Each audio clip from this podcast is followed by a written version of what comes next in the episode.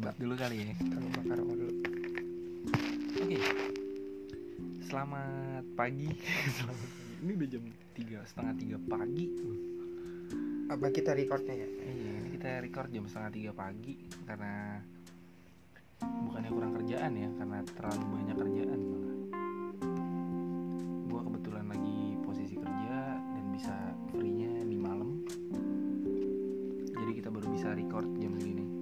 Habis gawe ya.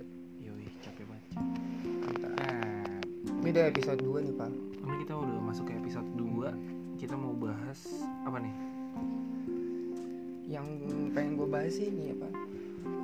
Kalau kemarin kan kita bahas itu episode pertama Hidden Games of Music. tapi lebih backgroundnya musik-musik di eranya 2018 19 sampai awal 20 Tiga tahun 2020 terakhir ya ya. tiga tahun terakhir Pak. nah kalau ini kita pengen flashbacknya nih ke jauh nih Jauh nah 2000 awal atau enggak 90-an akhir lah. 90 akhir sampai 2000 awal ya Mm-mm. oh itu masa-masa jauhnya MTV tuh cuy MTV. Oh, yang MTV MTV yang di global ya? iya MTV. enggak dong Ini apa? dulu La TV Lu lah TV ya? iya dong Gue nggak La, sih. Gue sih taunya GTV baru global kalau nggak salah ya gl- global sih gue sih ingat gue global. Belum Eh, karena zaman gue global waktu itu yang gue tahu. Kalau dulu tuh nggak kayak kayak nggak kayak nggak kayak sekarang. Ya, sekarang lu kelahiran tahun berapa? gue sih kan kita 98, 98 97. Lu 97 akhir, gue 98 tengah. Gue 97 akhir. Nah itu tuh gue menikmati MTV itu di tahun-tahun 2003, 2004 itu pokoknya gue belum sekolah deh. Dari zaman gue belum sekolah. 2005 lah ada. Hmm, gue gue TK aja 2004. Lagi pula juga di 2000. zaman itu gitu belum ngerti sebenarnya. Mm-mm. Tapi kalau ditanya masih inget masih inget. Iya, gue tuh inget gue tuh MTV tuh yang gue inget dulu kan ya namanya juga MTV kan MTV nya musik television kan Hmm. yang gue senang dari MTV itu ya video klipnya nggak disensor pak Nah iya benar. Nggak kayak zaman sekarang kan Iya. kalau zaman sekarang kan nggak asik aja gitu Eh, KPI belum sejahat sekarang ya. gue Oh, sih nggak bilang KPI. jahat Enggak. KP itu baik cuman kayak macam ini aja KPI Istilahnya ini enggak, istilahnya. sih. Istilahnya kayak macam anak kayak misalnya lu di kelas nih punya orang ah, anak yang pintar terus dia suka ngadu sama ininya suka ngadu sama gurunya kalau lagi berisi kayak suka nyatetin loh kayak gitu KPI komputer ya, cepu cepu ya. Nggak asik bener nggak asik Hmm, nggak Gitu. asik. Kalau Tapi menurut di, di zaman-zaman itu tuh lagi, lagi perkembangan musik itu lagi bagus banget sih, apalagi untuk untuk di Indo sendiri ya. dari segi musik luar tuh lagi masuk masuknya lagi banyak Hmm, lagi- dari di Indonesia pun juga band-band juga lagi naik naik ya band-band Indonesia gara-gara MTV ada ini soalnya kan ada ada apa namanya yang ngewadahin tuh ada Ah, kita kan juga ma- sempat masuk ke era boy band. Era boy bandnya Indonesia sendiri Kalau tahun, dulu- tahun 90 udah masuk. tapi kan terkenalnya nggak boy band pak dulu. Iya, kan kita juga sempat ngelewatin yang namanya Melayu rock. Melayu rock itu Melayu pop juga ya terus kita masuk ke dunia pop eh, R&B R&B, jazz, funk. kalau itu, itu udah mulai mulai 2000 tuh. Hmm. 2001, 2000, 2001, 2002. Setahu gue ya.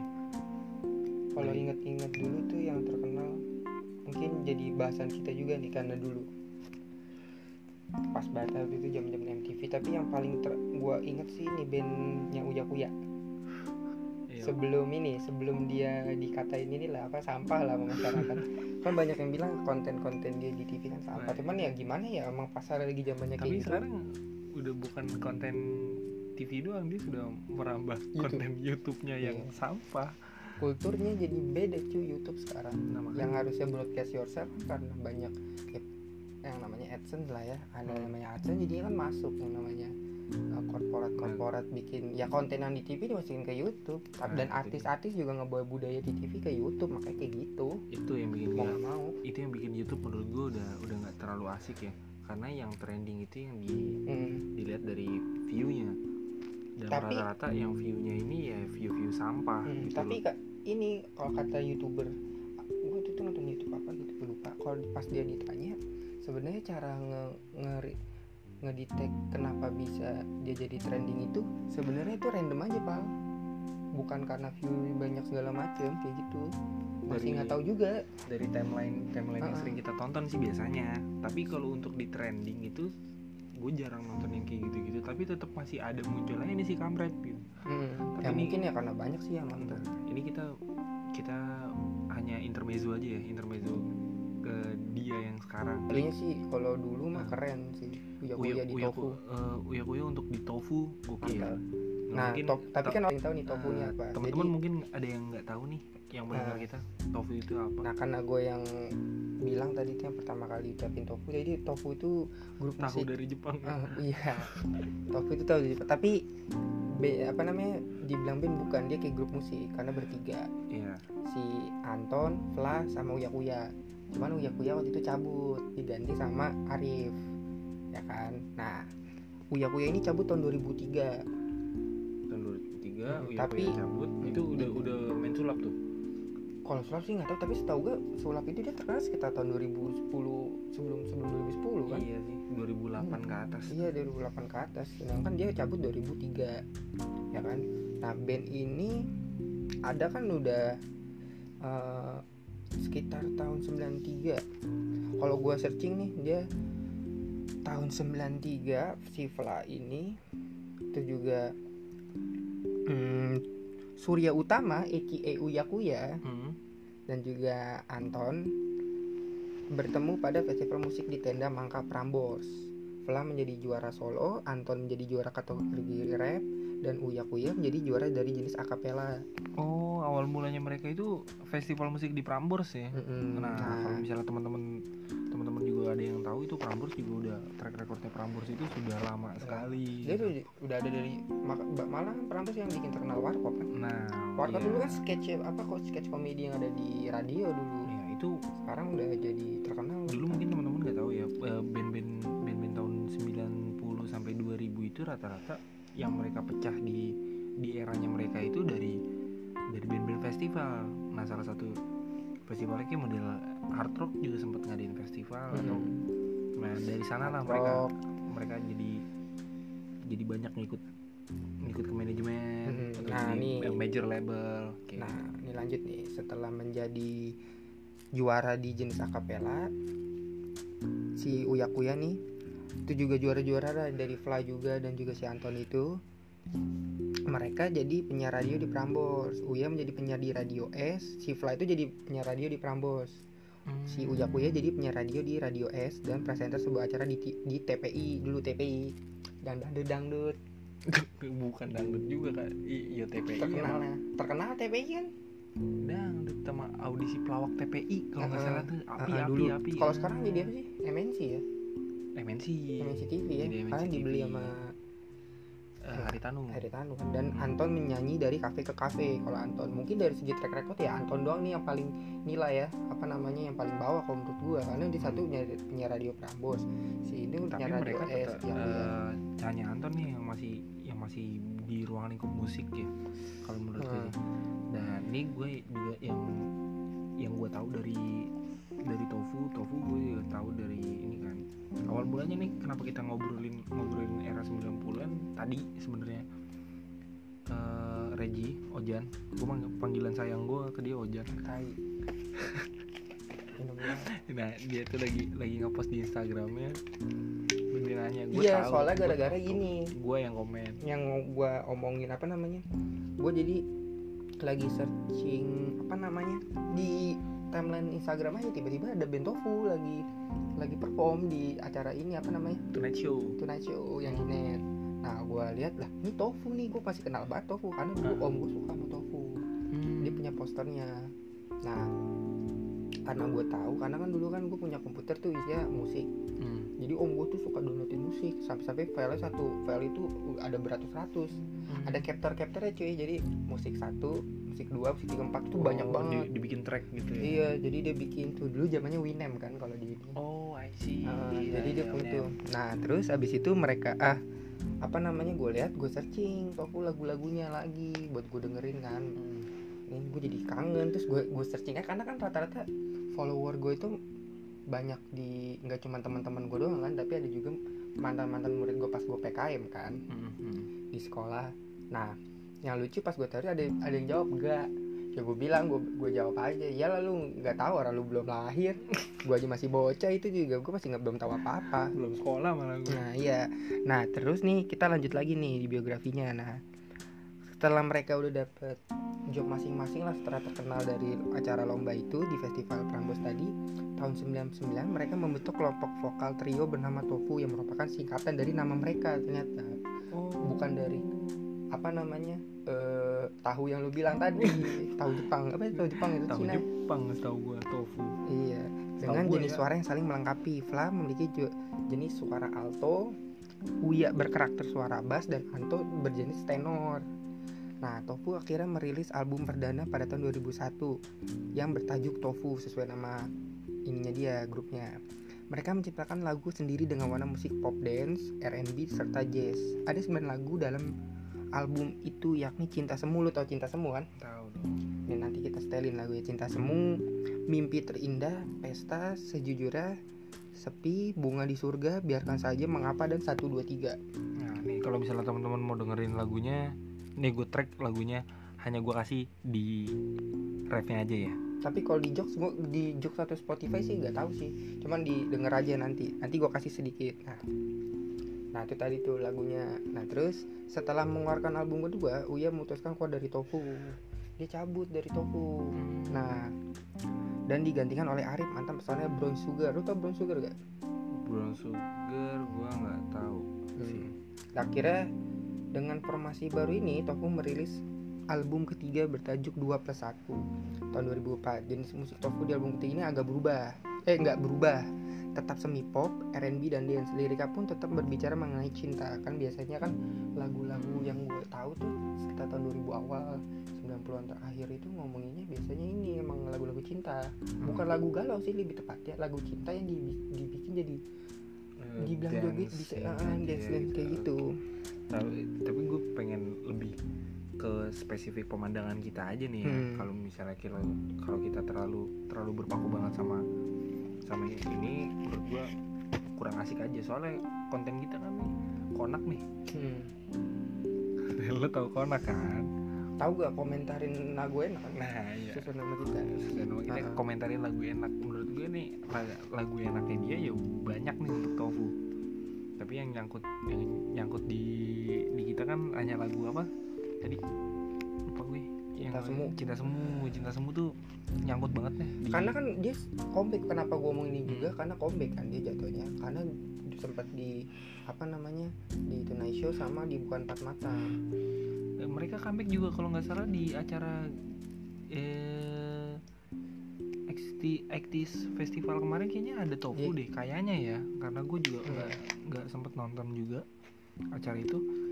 Gue tuh seneng sih lihat entah itu grup musik band atau solo Hmm. segala macam yang gua- akhirnya comeback kayak gitu. Minimal dia comebacknya nggak bikin single lah atau dia datang dengan lagu lama dia untuk mengenang lagi. Jadi orang-orang yang tahu dia tuh orang-orang sepantar om padahal- gue lah sih jatuhnya sebenarnya bukan gue itu tahu nih lagu tofu gue jadi inget dulu waktu gue SMA kayak zaman di eranya mereka ya mereka zaman Heeh.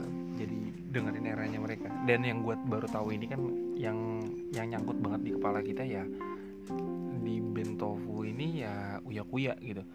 Nah di Yang eranya dan gue suka yang gue suka ketika uya kuya di eranya tofu Hmm. ini ya yang masih gue inget dari ingatan gue ya eh, style satu stylenya dia sekarang juga keren sih. Uya kuya style keren banget sumpah. Gue suka aja. Emang dia Hmm. dari dulu pun memang stylenya juga seperti itu. Dia lebih ke eh kita nyebutnya apa ya? American street style gitu kali ya? Kalau menurut gua uya kuya itu kita coba fokus ke uya kuyanya aja ya. Mm. maksudnya ke uya kuya dulu. Kalau menurut gue sih uya kuya ketika di di tofu ini sebenarnya gaya-gayanya itu style ya dari segi style itu ya gaya-gaya rap rap Amerika sebenarnya. Cuman kan dia dari kalau dari seginya kan agak bass gitu ya. Mm. yang tadi disebutin kan emang basic lah nyanyinya kan suaranya suara, suara bass. bass. Itu sebenarnya kayak rap rap kayak macam Black Eyed Peas sebenarnya. Iya. menurut gua. Black Eyed Peas mungkin Mm-mm. eh, kalau genrenya di lagu-lagu beatnya di era itu lagi Hmm. naik-naiknya Aqua tuh. Kalau misalnya teman-teman tahu Aqua yang Come on baby girl yang gitu. Apa sih lagunya eh judul lagunya judul Barbie ya? apa ya? Barbie kayaknya Barbie deh judul lagunya life is plastic. Is fantastic. Nah yang kayak gitu ya. iya gue Nah, tahu tuh lagu rada-rada ke kayak gitu genrenya. Hmm. tapi enak banget gitu. tapi dari segi kayak band Tofu ini dan juga band-band lain atau grup musik lain di tahun itu yang kenalin lu tuh siapa? Kalau gua kan om gua. Nah, kalau gua eh, yang kenalin gua sama sama Tofu atau band-band band-band pecah di era 90 sampai 2000 itu nyokap. Oh, nyokap. Karena iya, karena karena nyokap gua eh, nikah muda dan anak-anaknya masih kecil-kecil. Mereka eh, jiwa mudanya dia ya mungkin jadi penyanyi nggak kesampaian nyokap gue. Tapi suara lu eh suara malu bagus. Eh, nyokap gue pernah ikut festival, Hmm. tapi nggak dibolehin sama kakek gue karena kakek gue pedag kakek gue ini pedagang.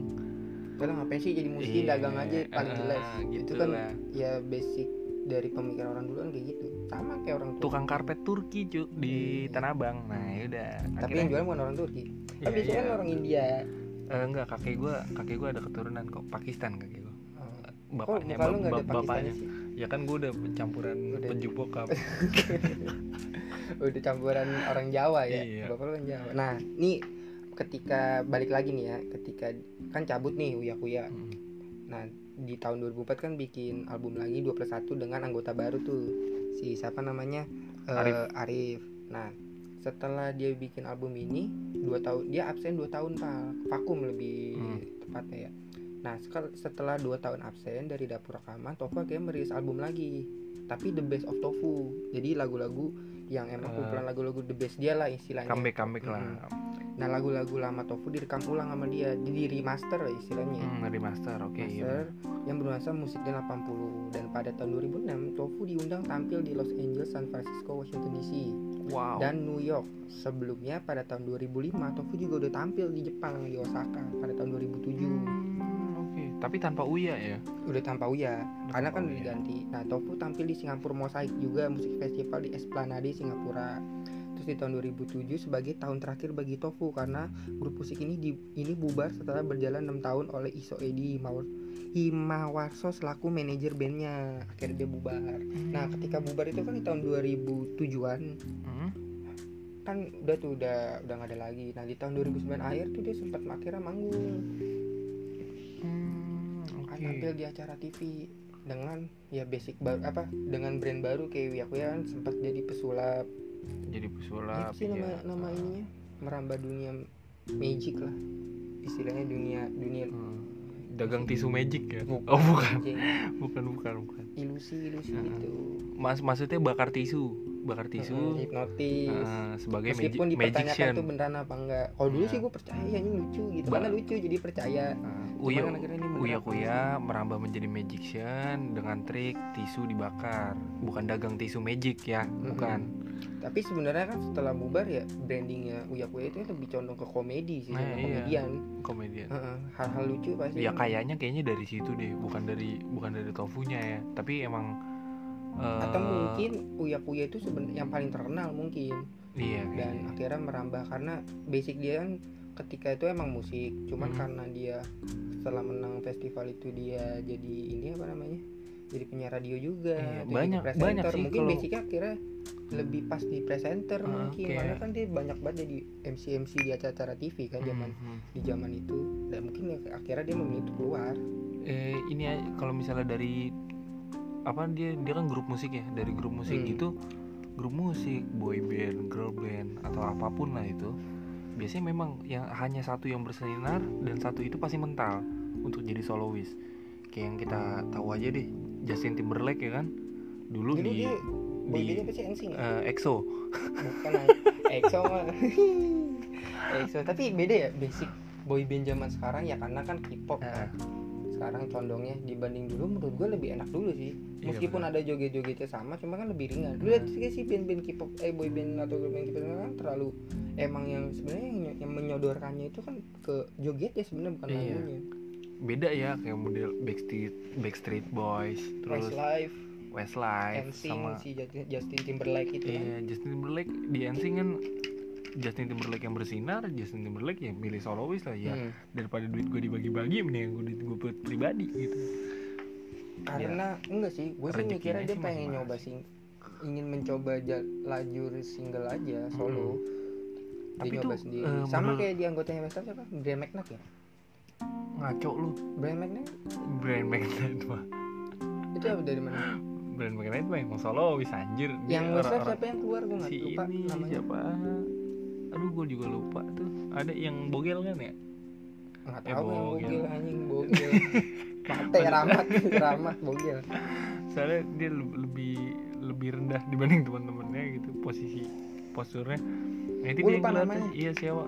Eh Maxillen eh apa sih Max Silent eh bukan anjing siapa namanya? Ya pokoknya itulah. Iya pokoknya Hmm. dia pokoknya dia yang eh, keluar juga. Rahmat. Rahmat anjing. Anggaplah namanya Rahmat. Si Rahmat kan keluar tuh. Nah dia bikin solo mas, solo. mas, mas, mas Irlandia lah mas Iya. mas Irlandia. Eh eh, Westlife Ir- Irlandia? Irlandia cu.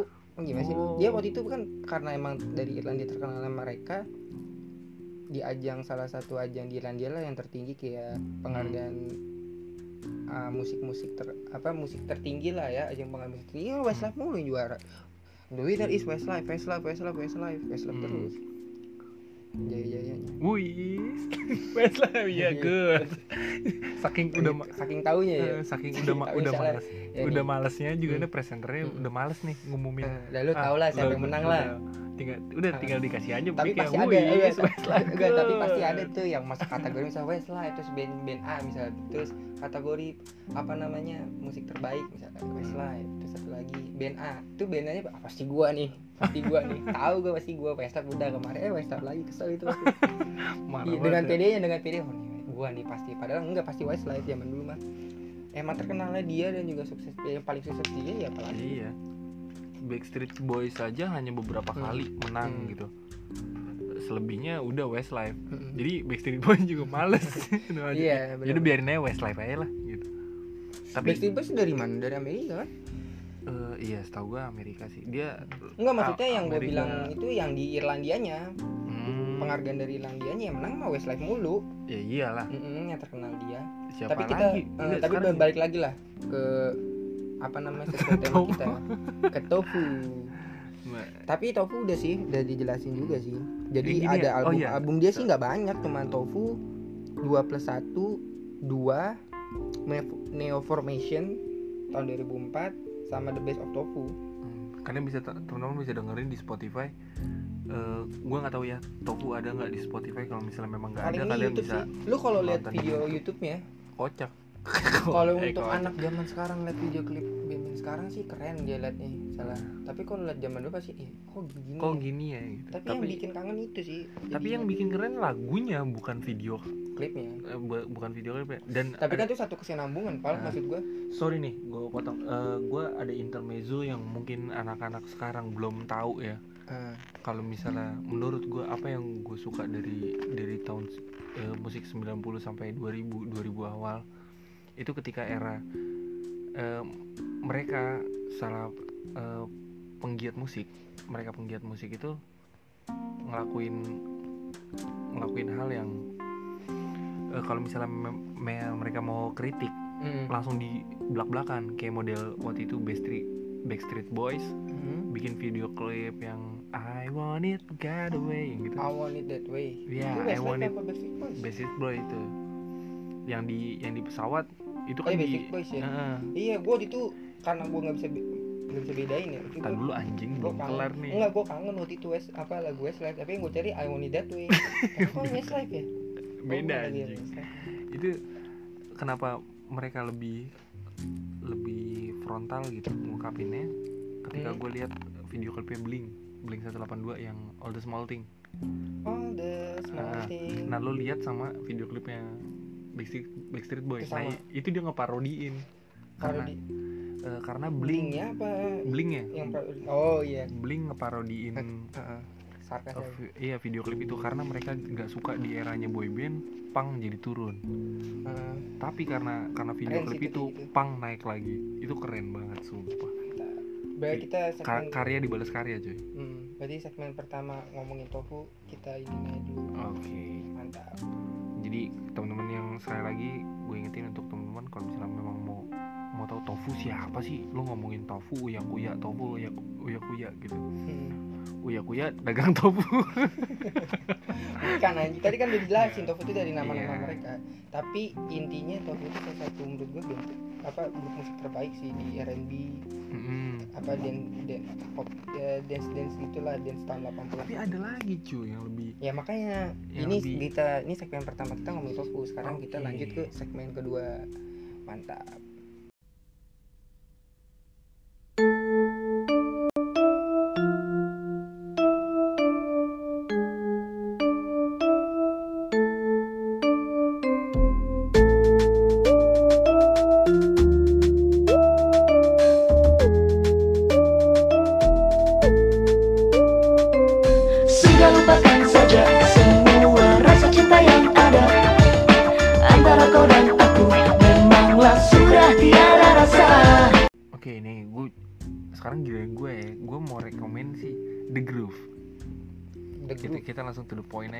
Groove ya. Sekarang The Groove The Groove. Hmm, The Groove udah ini ya bandnya ini bukan sih?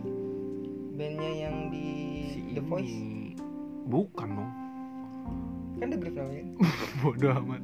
Kalau enggak kalau anak zaman sekarang mungkin ini ya The Groove tapi The Groove kan siapa itu yang punya yang adik kakak bertiga? Siapa anjing? Yang yang dia ini juga pernah collab sama youtuber yang kutu gue Snyder bukan bukan bukan bukan bukan kalau kalau teman-teman tahu The Groove itu yang aduh pasti gue yakin lu nggak kurang kurang paham sih hmm. kalau misalnya lu nggak ngikutin eranya mereka gitu tapi beberapa kali pun di festival-festival besar ya bahkan kemarin tahun 2018 2018 mereka bikin comeback comeback The Groove kenang-kenangannya The Groove itu di Lucy in the Sky Hmm. mereka bikin acara pure groove yang main The Groove yang main. Lagu-lagu The Groove. The Groove nya pun main. Oh The Groove main. The Groove perform di sana. Mereka bawa bawain lagunya mereka. Wah itu pecah banget sih. Hmm. tapi sayangnya gue hanya lihat beritanya aja nggak nonton. Mungkin kita bisa aja kali next time kita bikin episode tentang ini pal. Nah, Hmm. konser-konser band-band 90-an wah boleh boleh boleh next time kalau ada acaranya nah ini kalau teman-teman kan tadi kalau misalnya tofu itu lebih ke R&B nya ya nah ini kalau The Groove ini lebih ke jazz Hmm. Nah dari yang dari yang gue lihat nih, dari yang gue lihat dari dari Wikipedia, thanks Wikipedia, eh groove in, the groove ini genrenya acid jazz. Apa Gua namanya? nggak ngerti acid jazz. Hmm. Soalnya, acid ya Ah. tapi emang enak banget sih. Hmm. Eh, sama kayak model yang mungkin teman-teman sering denger eh, lagu akhir-akhir ini tuh lagu Reza Artamevia yang itu Hmm, hmm. yang apa izinkan aku yang kayak gitu nah itu hampir sama sama The Groove genrenya seperti itu Ini dia bandnya The Groove ini terbentuk tahun berapa? tahun 97 Tahun 97. Berarti lebih lebih tua ini ya. Tofu tadi. ya? Tofu, Tofu? tadi tahun tadi berapa? enggak dong Oh, to- Tofu tadi ini, Cuk. Oh iya. Tofu itu 2001 tadi. 2001 Eh, itu albumnya tahun 99. tahun 99 nah Tahun 99. Dia Tuan, sembilan- Tuan The Groove Tahun The Groove. The Groove dari tahun 97 di sini nah mungkin kalau misalnya mungkin nyokap kalian tahu Rika Ruslan nah Rika Ruslan itu Ininya, vokalis vokalisnya, vokalisnya The vokalisnya. Groove tapi dia kan berdua tuh Rika Ruslan itu nggak sendiri dia sama Reza Artemisia. bukan bukan bukan Oh, bukan. Reza Reza Reza, Reza Arab. bukan bukan bukan Reza Arab Reza. Nangin. Eh, Reza bukan. bukan bukan Itu kan Reza bukan atau kan host itu Reza bukan. Eh. Sama temennya yang itu ada lagi. Eh, apa sih Reja aja bukan, bukan. Reza bukan sama itu aja gitu. itu aja Aneh banget itu nama. Tahu Kenapa apa? dia dia bikin nama panggung ya Reza bukan sama ini aja. Itu kita bikin apa? apa Eji benar. Ripa salah. oh iya boleh boleh ini ya gitu. jadi apa sih anjing Ayo lanjut Nah, ke grup. oke the group ini ya eh, yang yang pecah banget sih yang mungkin yang mungkin kalian tahu tuh yang lagunya dia dahulu dahulu Ini lagunya. nanti. terasa indah ya. nanti bakalan gue lagunya nanti kalian bakalan bisa flashback tapi semua lagunya dia eh, The Groove bisa dideng- kalian dengerin di Spotify. Kalau dulu selalu- ada. ada. Kalau itu gue nggak tahu. Kalau Nah itu nggak- lo, lo, di YouTube soalnya. lo bisa tuh. dengerin lo bisa dengerin The Groove di Spotify itu gue bisa jamin mood lo berubah itu enak banget buat didengerin di mobil Di- di mobil di motor di gerobak terserah kalian di mana aja se comfort lu lah. Mm-mm. Mungkin kalian Hmm. lagi mood lagi berantakan Hmm. pulang kerja gitu Tapi kan orang tetap nggak tahu nih perjalanannya The Groove ini. Jadi perjalanan mereka menjadi salah satu band atau grup musik terkenal itu awalnya dari mana, Pak? awalnya itu ya mereka kayaknya sih sebentar ya ini gue yang gue akan baca artikelnya juga Tapi The Groove itu mungkin kalau zaman sekarang sama sih kayak Tofu nggak tahu The Groove. Soalnya kan eh, Dia awal terkenal awal deh. mulanya ya Terkenalnya tuh sudah menj- apa kuping-kuping masyarakat Indonesia tuh pada saat itu sudah tahu The Groove itu sekitar tahun berapa? dari tahun 2000 dari tahun 99 sampai Ah. 2004 karena kan gini mungkin Ah. oke dia ter- eh, dibentuknya tahunnya tahun 90-an tapi kan namanya juga band kan butuh proses ya enggak iya karena benar pertama dia bersaing sama band-band udah terkenal dan akhirnya kan dia punya apa namanya masa di mana ya akhirnya terkenal kan. Emang quality bagus bandnya juga bagus. Oke. Nah ini posisi posisi awalnya itu tahun 99 sama 2004 The Groove masih formasi, formasi pertama. Yuka Hmm. Sampurna Yuka Sampurna itu basisnya Dewa 19 tahun 2000 tahun 99 sorry tahun 2002 Yuka Yuka la- berpindah. Cabut ya? Cabut cabut dari The Groove dia Masuk Dewa- Dewa lu bilang, 19. Dewa 19 Ma, yuk. Dewa 19 anjing juga ya? Enggak bukan anjing dia emang kualitas ba- main bassnya Yuka tuh gokil gitu. Lagi gue juga Dewa 19 sih Mm-mm. emang salah satu band terkenal juga sih. Gue sih suka Dewa 19 tapi gue nggak suka Ahmad Dhani. Gue gue suka Ahmad Dhani. Yang sekarang yang gue nggak suka. Gue suka Ahmad Dhani ketika bermusik. Kalau bermusik jago sih. Wah tapi waktu itu gue pernah lihat pak topi untuk intermezzo dikit Hmm. Ahmad Dhani.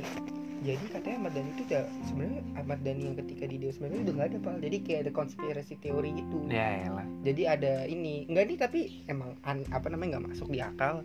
Tapi seru aja buat dibaca. Waktu itu buat di kaskus sempat Hmm. terkenal juga. Jadi katanya Ahmad Dhani yang asli itu sebenarnya udah mati pak. Dibunuh sama salah satu fansnya emang kebetulan mirip sama si Ahmad Dhani ini dia terobsesi sama Dewa 19 oke. Kayak gitu. Tapi gue males ya bahas teori konspirasi. Iya.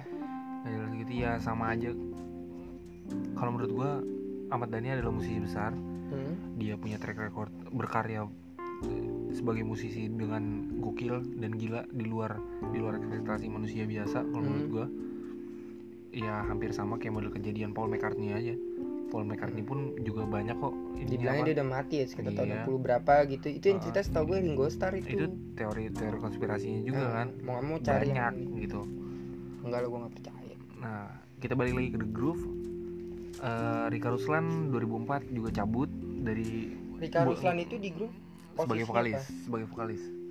Vokalis. Vokalis. Oh yang bareng tadi bilang bareng sama Reza tadi ya? Iya.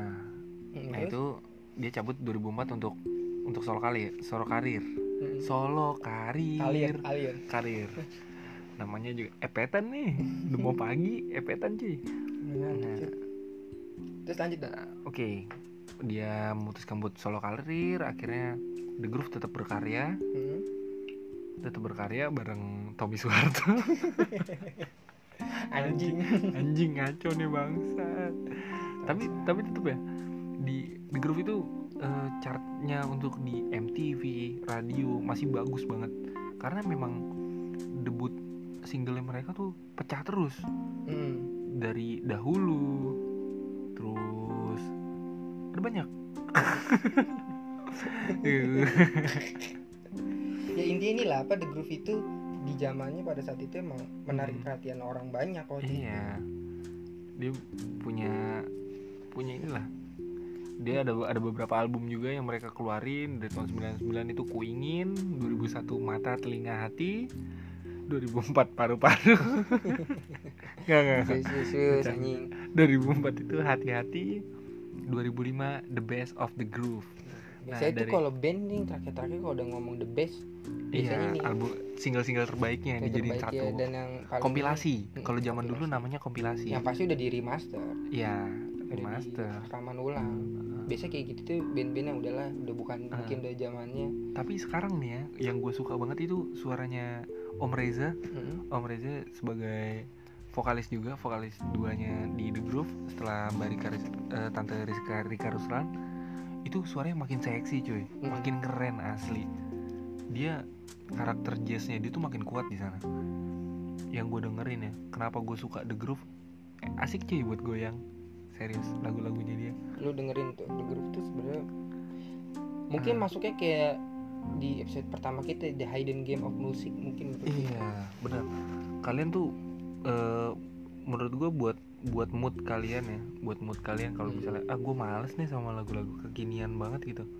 Lo nggak dapet feelnya tapi gue pengen dengerin lagu Indonesia yang enak buat diajak Mm-mm. buat diajak santai. Lo dengerin The Groove. The G R O O V I E. G R O O V E.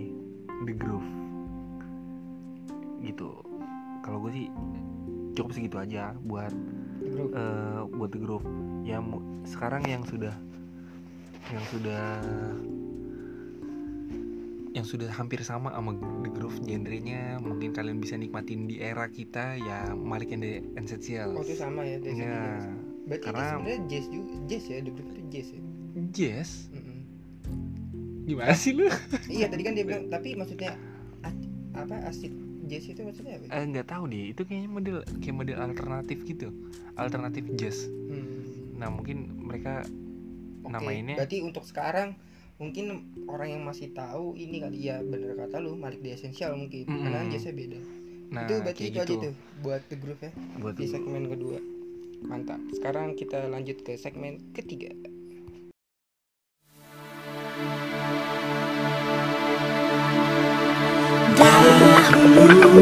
Semua indah dahulu Ku menjadi bunga cintamu Hey, hey, hey. Nah, ini dia nih. Ini yang lagi rame-rame ini. Gue nggak ngerti. Hmm. Ini sebenarnya gue pertama kali datang konser orang ini hmm, itu di ini apa namanya acara musik yang di UI itu oh, Just Goes to Campus. eh, JGTC JGTC. karena Tahun berapa tuh?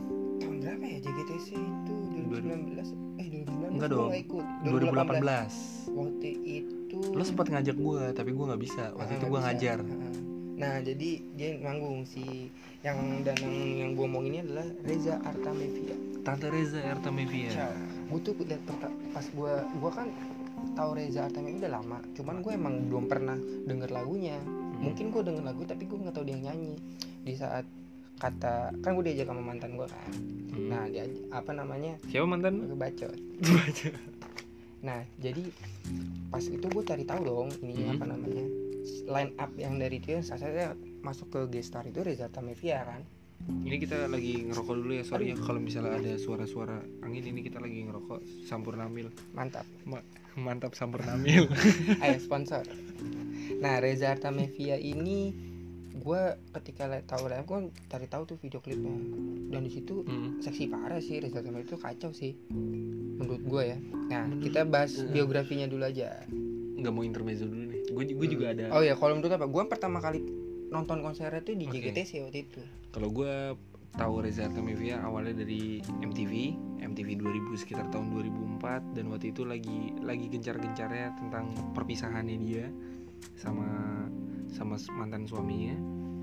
oh ini Haji Mas Said almarhum Iya, Mas almarhum almarhum Mas Haji Mas Said ketika meninggal itu oh almarhumah sih almarhum almarhum dong almarhum Mas Haji Oh, Mas Said. gue kan almarhum. karena dia lebih tua dari gue gitu itu terus juga lagi rame-ramenya itu makanya yang gue inget tentang Reza Artamevia ya hanya perceraian ya waktu di zaman gue kecil. Karena Kalau, nyok- eh, eh, karena lu nyokap gue artis cuy. Iya nyokap gue itu ngefans banget sama tante Reza.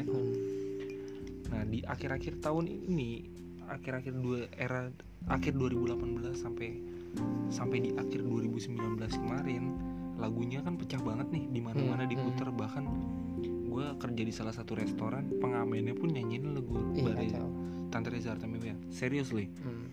di daerah Jakarta Pusat mereka nyanyiinnya lagu lagu Tante Reza Artamevia dan gua ketika gue kilas balik ternyata salah satu pembuat lagu ini pecah adalah Duck Down Pizza Party Itu lagu dia. punyanya anak bukan punyanya anak-anak lawless Hmm.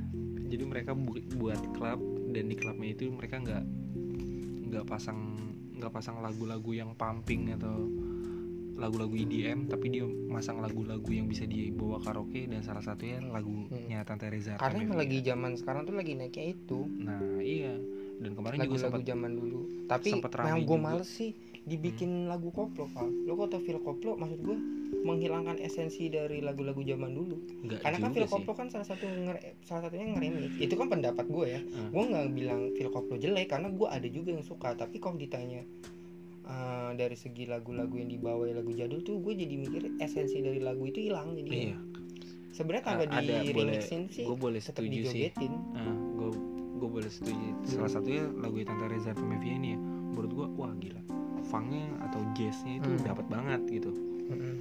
Nah kita coba ini apa namanya tadi kan intermezzo kita berdua nih tentang Reza Hmm. Artamevia kita masuk ke biografinya. Jadi dengan nama panjang Reza Artamevia Adriana Eka Suci lahir di Jakarta 29 Mei sama kayak gue. 29 Oh, Mei cu bodoh sama amat. dia kayak gue. Jadi kalau misalnya happy birthday kadang kalau misalnya happy birthday gue bilang happy birthday juga ke Reza Artamevia. Yoi. harus, Tahun- harus callback ya Iya, callback lah. Tahun 1975. Jadi sekarang umurnya berapa tuh? Kalau 75 44 tahun. 45 lah kalau 2020 jalan 45 Hmm, iya ya adalah seorang penyanyi dan aktris berkebangsaan Indonesia itu pasti. Penyanyi berdarah campuran Jawa Sunda dengan suara altonya yang khas ini pertama kali tampil tahun 97 pak. Hmm. gue belum lahir itu. Dan melesat bak meteor ke deretan papan atas penyanyi solo wanita Indonesia Reza Artamevia terlahir bukan dalam penyanyi jazz kok jadi penyanyi solo solo maksudnya Oh. maksudnya dia nyanyi sendiri gue kira Solo. nyanyi campur sari sorry guys Goblok. Aduh, sampah, sampah sekali. Sampah sekali. Reza Artamevia terlahir dalam keluarga yang memiliki darah seni. Kakeknya memiliki sanggar tari Jawa dan ibunya keturunan Solo sering menari di Istana Negara dari zaman pemerintahan Presiden Soekarno sampai Presiden Soeharto. wih respect Tante. Reza Mantap. Keluarga seni, seniman. Selain profesional dalam dunia tarik suara, Reza sendiri juga gemar menari dan ia menguasai beberapa tarian Jawa klasik. Wih, gue baru tahu tuh dia juga bisa nari dan apa namanya tarian-tarian Jawa klasik, Hmm. cuy. Tante Reza anakmu cantik loh Emang dia punya anak iya cewek? dua Apa namanya? siapa namanya Upin Ipin Enggak gue ngomongnya apa namanya kayak nama barang aja Namanya siapa? aduh namanya gue lupa Tapi lu follow di IG enggak Ya goblok. Tapi cantik dulu Ya, Nanti cari di Google. Hmm. Anak Reza Artamevia Sejak usia 4 tahun Bakat seni Reza sudah terlihat sangat menonjol. Konon saat malam hari dan ruang dalam mati lampu Reza kecil dibawa ibunya menuju keluar rumah. Reza kecil Ya gue juga gitu sih. Sangat sangat hari-hari sekali sih. Kalau mati lampu taruh di luar rumah karena gelap wah ini ini yang bikin yang bikin Aneh. artikelnya ngeselin ya aneh nih. Nah lanjut nih kalau mati lampu emang pasti dibawa keluar. Keluar keluar karena ngap gelap ngap. Iya kan ya? Aneh juga terus rejakannya dibawa keluar rumah terus kemudian melihat bulan dan ia menyanyikan tembang ambilkan bulan. Oh maksudnya kayak gitu penulisnya bilang. Nah melihat potensi seni yang begitu besar dalam diri Reza ibunya akhirnya mulai mengasah kemampuan Reza. Ibu Reza mengajarkan kepada Reza bahwa menyanyi harus dengan perasaan agar lebih enak didengar. Berawal dari peristiwa itu ternyata memberikan hal yang sangat besar bagi Reza nah ketika duduk lu di- jadi bacain artikelnya bajingan. Kita bacain aja karena ini apa namanya ada yang hal yang gua nggak tahu. Perjalanannya Oh. kita emang harus tahu kan? Iya sih bener juga.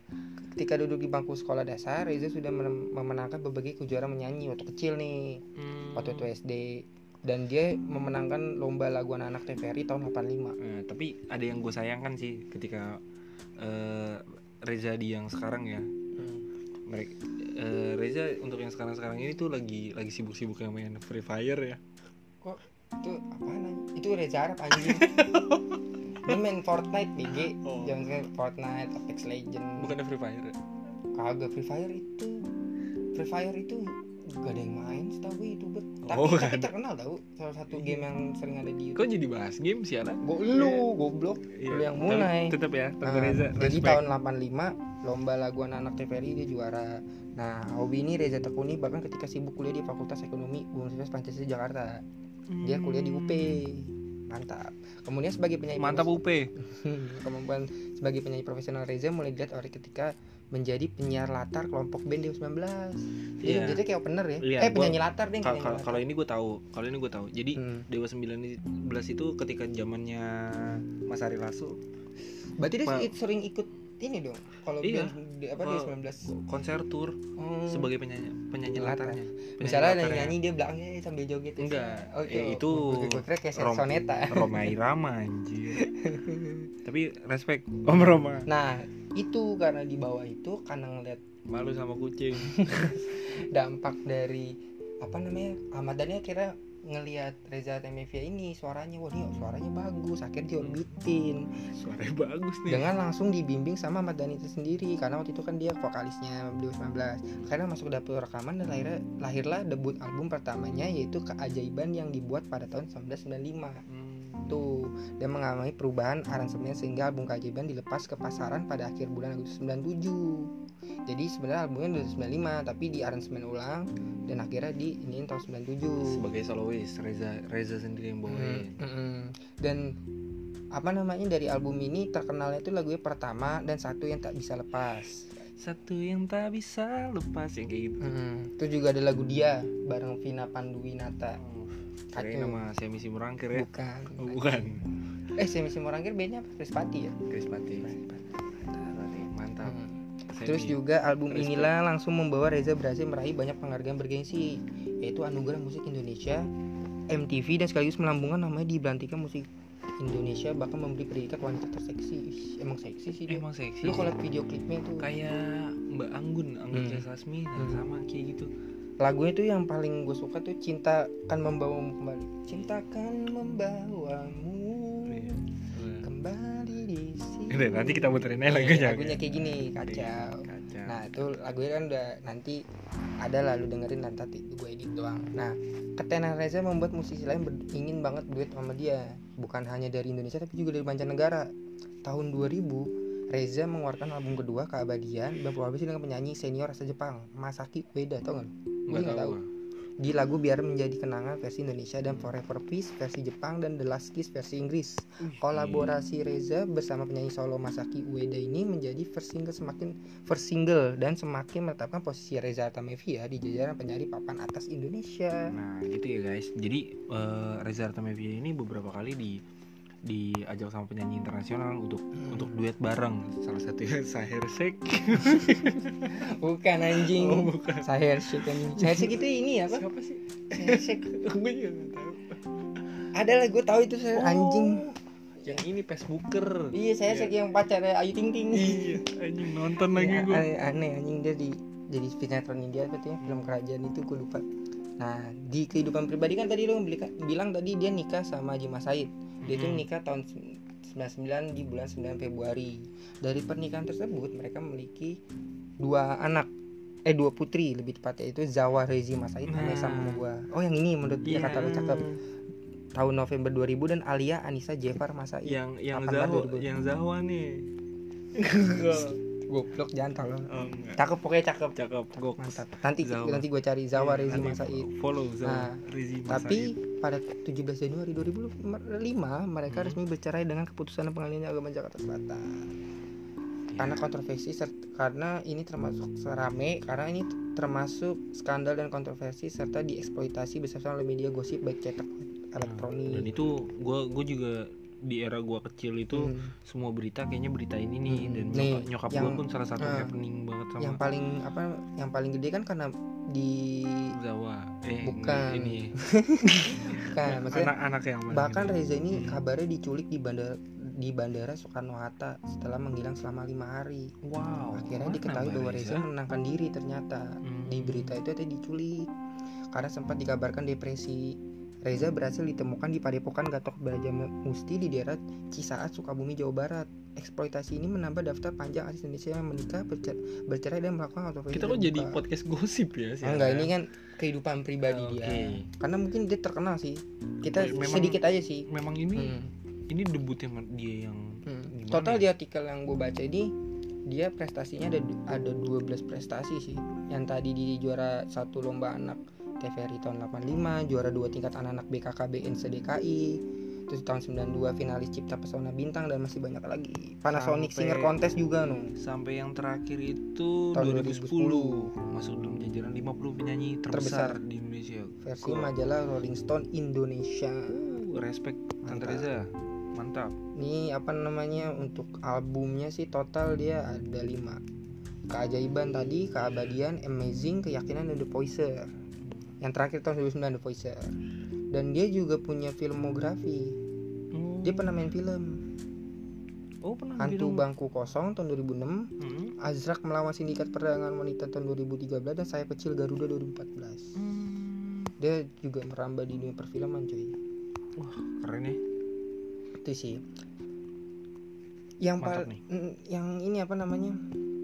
Mungkin kalau menurut gue Reza Artamevia dari semua tadi tuh perjalanan hidup dia prestasi dia mungkin yang paling diingat sih menurut gue ketika dia manggung di JGTC sih karena sebenarnya itu orang-orang sepantaran gue paling yang manggung. Hmm. yang yang, nonton. yang nonton. Eh, iya yang menonton maksud yang gue konsumsi eh, tapi apa namanya Villa pas nyanyi gue tuh kayak berada di tahun ketika Reza Artamevia terkenal tau gak iya iya apalagi stylenya Reza Artamevia pas lagi manggung itu stylenya kayak anak-anak muda di tamun anak-anak Tahun muda itu. di tahun segitu. Wow. Jadi keren banget sih. Gue juga nyesel sih waktu itu soalnya gue juga sempet pas sempet lu aja kan lu. iya padahal udah gue dapetin tiketnya. Hmm, gue jadi ada nih dua. Waktu itu gue lagi ngajar gue nggak gue ngajar lukis dan kebetulan gue lagi posisi lagi lagi ngajar dia ngajakin Rezi ngajakin gue buat buat nonton JGTC ini dan salah satu line up line up yang gue pengen nonton itu eh yang nyanyi Sakura siapa? Sakura? Aduh, Rosa. Bukan bukan bukan bukan bukan. Bukan Sakuranya Rosa Marli sebelumnya bisa sebelumnya. gue taunya siapa Krisya bukan bukan. Ya iya yang hampir sama kayak Krisis siapa? Anjir. Cowok. Fa- Faris RM Faris RM nah ya kan? Itu jadul banget sih. Ing- inget gak lo tahu gue. Yang yang kata itu ada kan main apa dia? Ada. Yang kata ada. gue bilang gue pengen banget nonton Faris RM di Hmm. JGTC tapi itu tahun kemarin kan? 2018 Eh, 2018 juga tapi- ada tapi- Faris RM gue sih nggak lihat nggak ada di tempat lain ada cuy ada, ada. ada ya? Ya itulah pokoknya lah. Pokoknya gue pengen nontonnya Faris RM waktu itu. Itu juga eh, Om Faris RM selamat atas lepasnya dari jaring narkoba terutama untuk sabu. Dan itu Oh, dia- juga respect banget Hmm. survive untuk lepas dari sabu tapi menurut gua dia ini apa namanya? Dan sekarang ini rehab. pun iya rehab. Dan sekarang ini pun sudah mulai berkarya lagi dan kemarin terakhir gue denger kalau misalnya Om Faris RM ini lagi kolaborasi sama Sandi Sandoro untuk lagu Sakura Hmm. teman-teman juga bisa dengerin di Spotify. Oh, udah ada. udah ada. Reza Artemivia juga ada di Spotify. Iya nah sekian dulu deh kayaknya dari dari review kita nih. Mantap. Dari review kita tentang ya mungkin segitu aja dulu ya. Hmm. jadi da- jadi kita episode ini udah ngomongin uh, Tentang- tofu. tofu kita udah ngomongin The Groove kita udah ngomongin Tante Reza Artamevia tadi juga selipannya kita ada ada Uya Kuya ada mantap uya kuya eh lah udah uya kuya balik Ada- lagi sih ke style dia zaman dulu. Gue lebih keren gitu sih. Hmm, tofu tapi ya duitnya dia akan lebih milih duitnya dia yang Iya sekarang. sih. tapi untuk untuk comebacknya Tofu wah keren. Keren. Sempat manggung di TV TV dia. Gue gue setuju banget. Gue sih menunggu single atau album terbarunya gak usah album deh yang banyak lagu single aja. Single aja ya kayaknya Hmm. keren ya. Sebenarnya masih banyak lagi sih Hmm. band-band zaman itu yang dan gue juga nu- nunggu gigsnya The Groove sebenarnya. Kaca keren nih pasti kalau ya sih misalnya- itu aja mungkin dari kita. Eh, jangan jangan lupa, jangan lupa teman-teman buat buat buat pantengin terus podcast konak. Komentar, komentar lagu enak. Nih kalau maksudnya kalau bisa nanya nih konak lagu lagu enak kalau bisa menurut gue nggak enak gimana? Sebenarnya oh, ini ini aja teman-teman. Nanti gue bakalan kita bakalan bu- buat IG buat Instagram podcast konak. Nanti teman-teman bisa follow setelah follow mungkin Ntar kalian mau bikin. mau komentar atau mau Mm-mm. kita mau bahas apa nanti bisa Mm-mm. teman-teman dari situ mantap sekian dulu deh dari Oke. dari kita thank you yang udah Jangan lupa. dengerin mantap tetap konak mantap